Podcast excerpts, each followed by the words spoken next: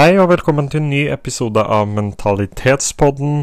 I dag så tenkte jeg å snakke om traumer, og hovedsakelig PTSD, som har med traumer å gjøre. Jeg tenkte å fortelle historien om min største traume, og hvordan den påvirket meg, og hvordan jeg har måttet jobbe meg gjennom det for å føle meg bedre. Så hvis det høres interessant ut, så hopper vi bare rett inn i det.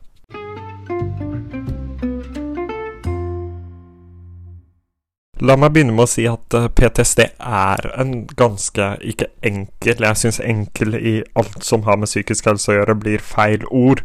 Men det går an å behandle, og har, det er en høy rate på at folk som blir behandlet med f.eks. eksponeringsterapi for PTSD, ofte kommer seg godt ut på andre sida.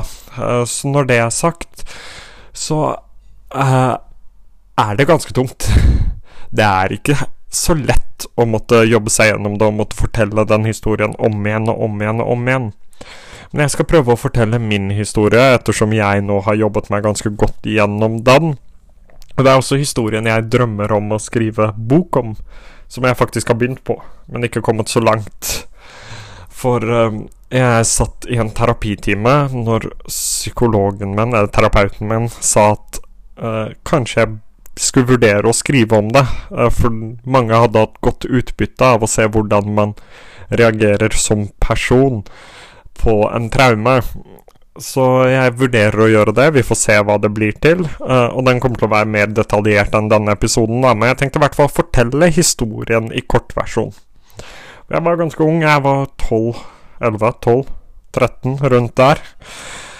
Og jeg hadde havnet i en krangel en av mange. Uh, vi pleide ofte å slåss for å løse problemene våre, men jeg hadde i hvert fall havna i en krangel. Um, og jeg husker veldig godt at etter at vi ble stoppa av lærerne, så sa han at han skulle i gåseøynene ta meg. Uh, og jeg tenkte egentlig ikke noe særlig mer på det. Jeg var nervøs de første 30-45 minuttene, men det hadde jeg på en måte hørt før ganske ofte.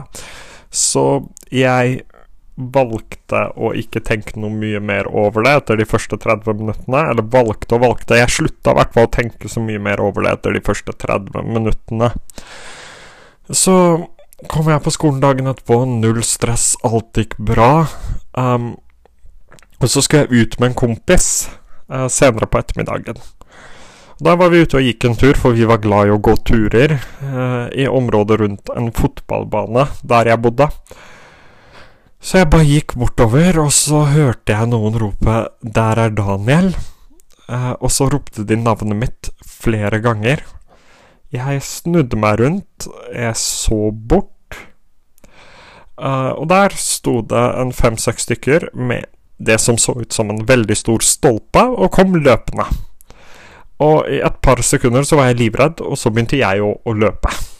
For det er jo den eneste smarte tingen du gjør. Det er jo det stedet der frykt er en god ting.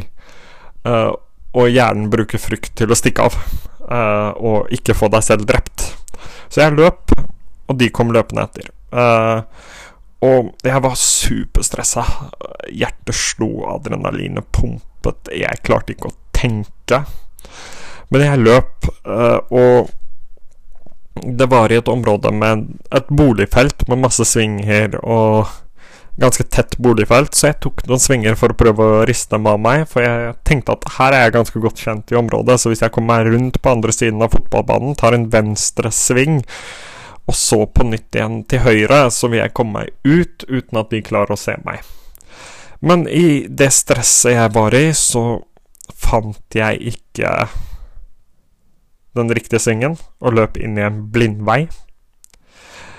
Og akkurat der og da så var jeg sikker på at livet mitt var over. Jeg var sikker på at jeg ikke kom meg ut av denne situasjonen. Og jeg begynte å tenke over alle jeg var glad i, og var egentlig generelt ganske klar for det. Um, men de kom i hvert fall rundt svingen. Han tok ut det som for meg så ut som en kniv. Eh, dro den opp, og jeg tok små steg bakover. Tida på en måte frøs. Det gikk så tregt når de tok skrittene sine nærmere og nærmere meg. Og jeg var så livredd. Uh, jeg så bare ned. Jeg turte ikke å se opp. Og på et tidspunkt så lukka jeg øynene og tenkte at ja, ja, det er over. Det, det var det, liksom. Um, de kom nærmere og nærmere, og på et tidspunkt så tror jeg jeg hørte pusten av dem. Det var samme fyren jeg hadde møtt på skolen, eller krangla med på skolen to dager før. Uh, og jeg husker Jeg vet ikke om jeg husker det riktig. For det er ofte spesielt med traumer, for du glemmer mye av det, for det gjemmer seg i underbevisstheten. Poenget med terapi er jo å få dem opp igjen i bevisstheten og jobbe med dem. Men jeg vet ikke om jeg husker riktig, men jeg husker at på et tidspunkt så hørte jeg han puste. Det var så nære at jeg hørte han puste. Og jeg så at han snudde seg når jeg åpna hendene, og diskuterte med de andre. Og jeg husker veldig godt også at han At jeg hørte at de sa 'ikke gjør det nå', vent til senere. Og jeg bare kobla helt ut. Alt derifra ut er litt sånn uklart, jeg husker at jeg kobla helt ut. Fikk ikke med meg noe av det som skjedde rundt meg, før de hadde gått. Um, og dette er liksom ikke den mest alvorlige hendelsen som kan skje en person, men det var utrolig tungt for meg. Og det er utrolig viktig når man snakker om PTSD, at selv om situasjonen Selv om andre har hatt det verre og havnet i verre situasjoner Det har jo vært folk som er i krig. Det er jo folk som er i krig, så min situasjon i forhold til det er jo ikke ille, men det var tungt for meg. Um, de gikk sin vei, uh, og på et tidspunkt så stelte de seg utafor huset mitt. Men jeg turte ikke å ta et skritt lenger fram. Jeg bare sto der. Og jeg sto der, og jeg sto der, og jeg sto der. For jeg var sikker på at de venta rundt hjørnet, klar for å ta livet av meg. Så jeg tok noen små skritt fram. Uh, brukte typ en time på å komme meg 200 meter. For jeg stoppa hele tida, satte meg i knestående prøvde liksom å kikke rundt hjørnet for å se om de var der, og på et tidspunkt når det begynte å bli mørkt, så tenkte jeg at nå må jeg bare gå.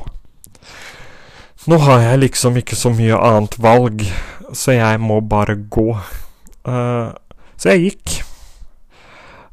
Der sto det ingen, og jeg valgte å ikke gå mot mitt eget hus. Jeg gikk andre veien, til nabokommunen. Fordi jeg var for redd for å gå hjem. Jeg var redd for at de sto på veien der et sted. Um, så jeg gikk andre veien, og på et tidspunkt så skjønte jeg at nå må, nå må Daniel hjem, ellers så blir foreldrene bekymra. Og det var kanskje noe av det viktigste i den historien, at jeg ville ikke at foreldrene mine skulle vite noe. Veldig dumt av meg. Angrer på det i ettertid. Mm. Men jeg gikk i hvert fall hjem på et tidspunkt, og når jeg begynte å nærme meg huset, så skjønte jeg at på et tidspunkt her så må jeg bare løpe, for det kan hende de står og venter på meg. Så jeg løp. Uh, kom meg hjem, ringte på døra. På vei opp de trappene til huset mitt, så pusta jeg dypt inn. Prøvde å fokusere på pusten, prøvde å late som ingenting. Gikk bort, uh, inn i huset, vaska ansiktet så pappa ikke skulle se at jeg hadde grått. Gikk inn til pappa. Uh, lata som ingenting, sa at dagen hadde vært bra. Men jeg fikk ikke sove den natta når jeg skulle legge meg, for alt jeg tenkte på, var at de var fortsatt ute etter meg. Dagen etterpå gikk jeg på skolen, og så skulle jeg ut med en kompis igjen.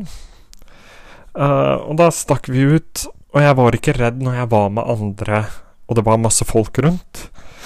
Uh, men det som skjedde da, var at de stelte seg utafor huset mitt og venta på at jeg skulle komme hjem, så de skulle ta meg. Heldigvis for meg uh, så var det pappa som så det. Jeg måtte da komme clean, fortelle alt. Og det gikk jo så bra som det kan gå. Jeg var jo skikkelig sur for at jeg ikke sa noe. Nå som jeg har blitt eldre, så skjønner jeg veldig godt hvorfor han var sur, og jeg skjønner ikke hvorfor jeg valgte å ikke si noe, men det får bare være. Jeg følte meg så utrolig svak. Jeg skammet meg over å ha ikke klart å ta vare på meg selv, ikke klart å beskytte meg selv. Jeg har alltid vært en tynn, liten gutt. Ganske høy, men ganske tynn, lite muskler. Og jeg følte at jeg aldri kunne ta vare på meg selv. Jeg var for redd. Jeg var for svak. Uh, og det var en enorm skam. Og det er kanskje hovedgrunnen til at jeg valgte å ikke si noe, for jeg skammet meg så mye over det. Til tross for at det ikke er noe å skamme seg over. Uh, jeg gikk Jeg gikk bortover. Kom hjem til pappa. Fikk masse kjeft. Uh, ikke kjeft, mer frustrasjon. For han var så irritert over at jeg ikke hadde sagt noe. Pappa ringte skolen. Skolen anmeldte. Jeg anmeldte. Og det jeg husker veldig godt, var når jeg satt i avhør, uh, og de stilte meg spørsmål jeg ikke klarte å svare på. Da var jeg måtte si 'jeg vet ikke'. Og jeg husker ett spørsmål veldig godt. Når politiet spurte meg om det var en kniv, eller om det kunne vært en skarp gjenstand. For da skjønte jeg på en måte at ingen trodde på meg, og historien var uh, uttrykket for god til å være sann. Historien var så forferdelig at det ikke kunne være sant. Um, og når politiet henla saken, så tenkte jeg at jeg aldri skulle snakke om det igjen. Det var siste gang jeg skulle si noe om den historien. Uh, og det som har skjedd etterpå, er at jeg har følt at jeg aldri kan bli trodd på. Mine historier er feil, og måten jeg husker ting er feil, og at ingen bryr seg om hvordan jeg føler det. Og det har jeg gått rundt og levd med i flere år, som igjen har ødelagt alt av forhold, vennskap, alt. Um, alle rundt meg. Uh, men jeg har i det siste, etter å ha jobbet med det, lært at det skjedde. Det gjorde vondt. Det er greit. Og jeg er nødt til å snakke om det. Jeg er nødt til å si det høyt. For det skjedde faktisk. Om folk velger å ikke tro meg eller si at andre har det verre, det får bare være. Men jeg var nødt til å snakke om det. Ellers så vil dette gå rundt og plage meg hele resten av livet. Nå tenker jeg ikke så mye over det. Det plager meg egentlig ikke så mye. Og jeg har veldig lett for å fortelle historien i forhold til første gang jeg fortalte historien og nesten ikke klarte å puste. Men poenget i denne historien er at du må på en måte tørre å snakke om de tingene som er vanskelig, til tross for at det virker som du ikke tror på dem selv, og til tross for at du føler deg veldig skamfull, for det er ingen skam i det. Du er sterk nok, og enhver person i en sånn situasjon ville slitt med å snakke om deg, og ville hatt det vanskelig. Uansett hvor gammel du er, hvor mye erfaringer du har, eller hvor sterk du er, det er vanskelig. Sånn er det bare. Og jeg håper flere tør å fortelle historien sin, og flere tør å søke hjelp for det, for det er veldig enkelt å behandle. Det krever mye av deg. Krever mye energi. Misforstå meg rett, det er ikke lett på den måten. Men det går an å behandle, så tør å spørre om hjelp.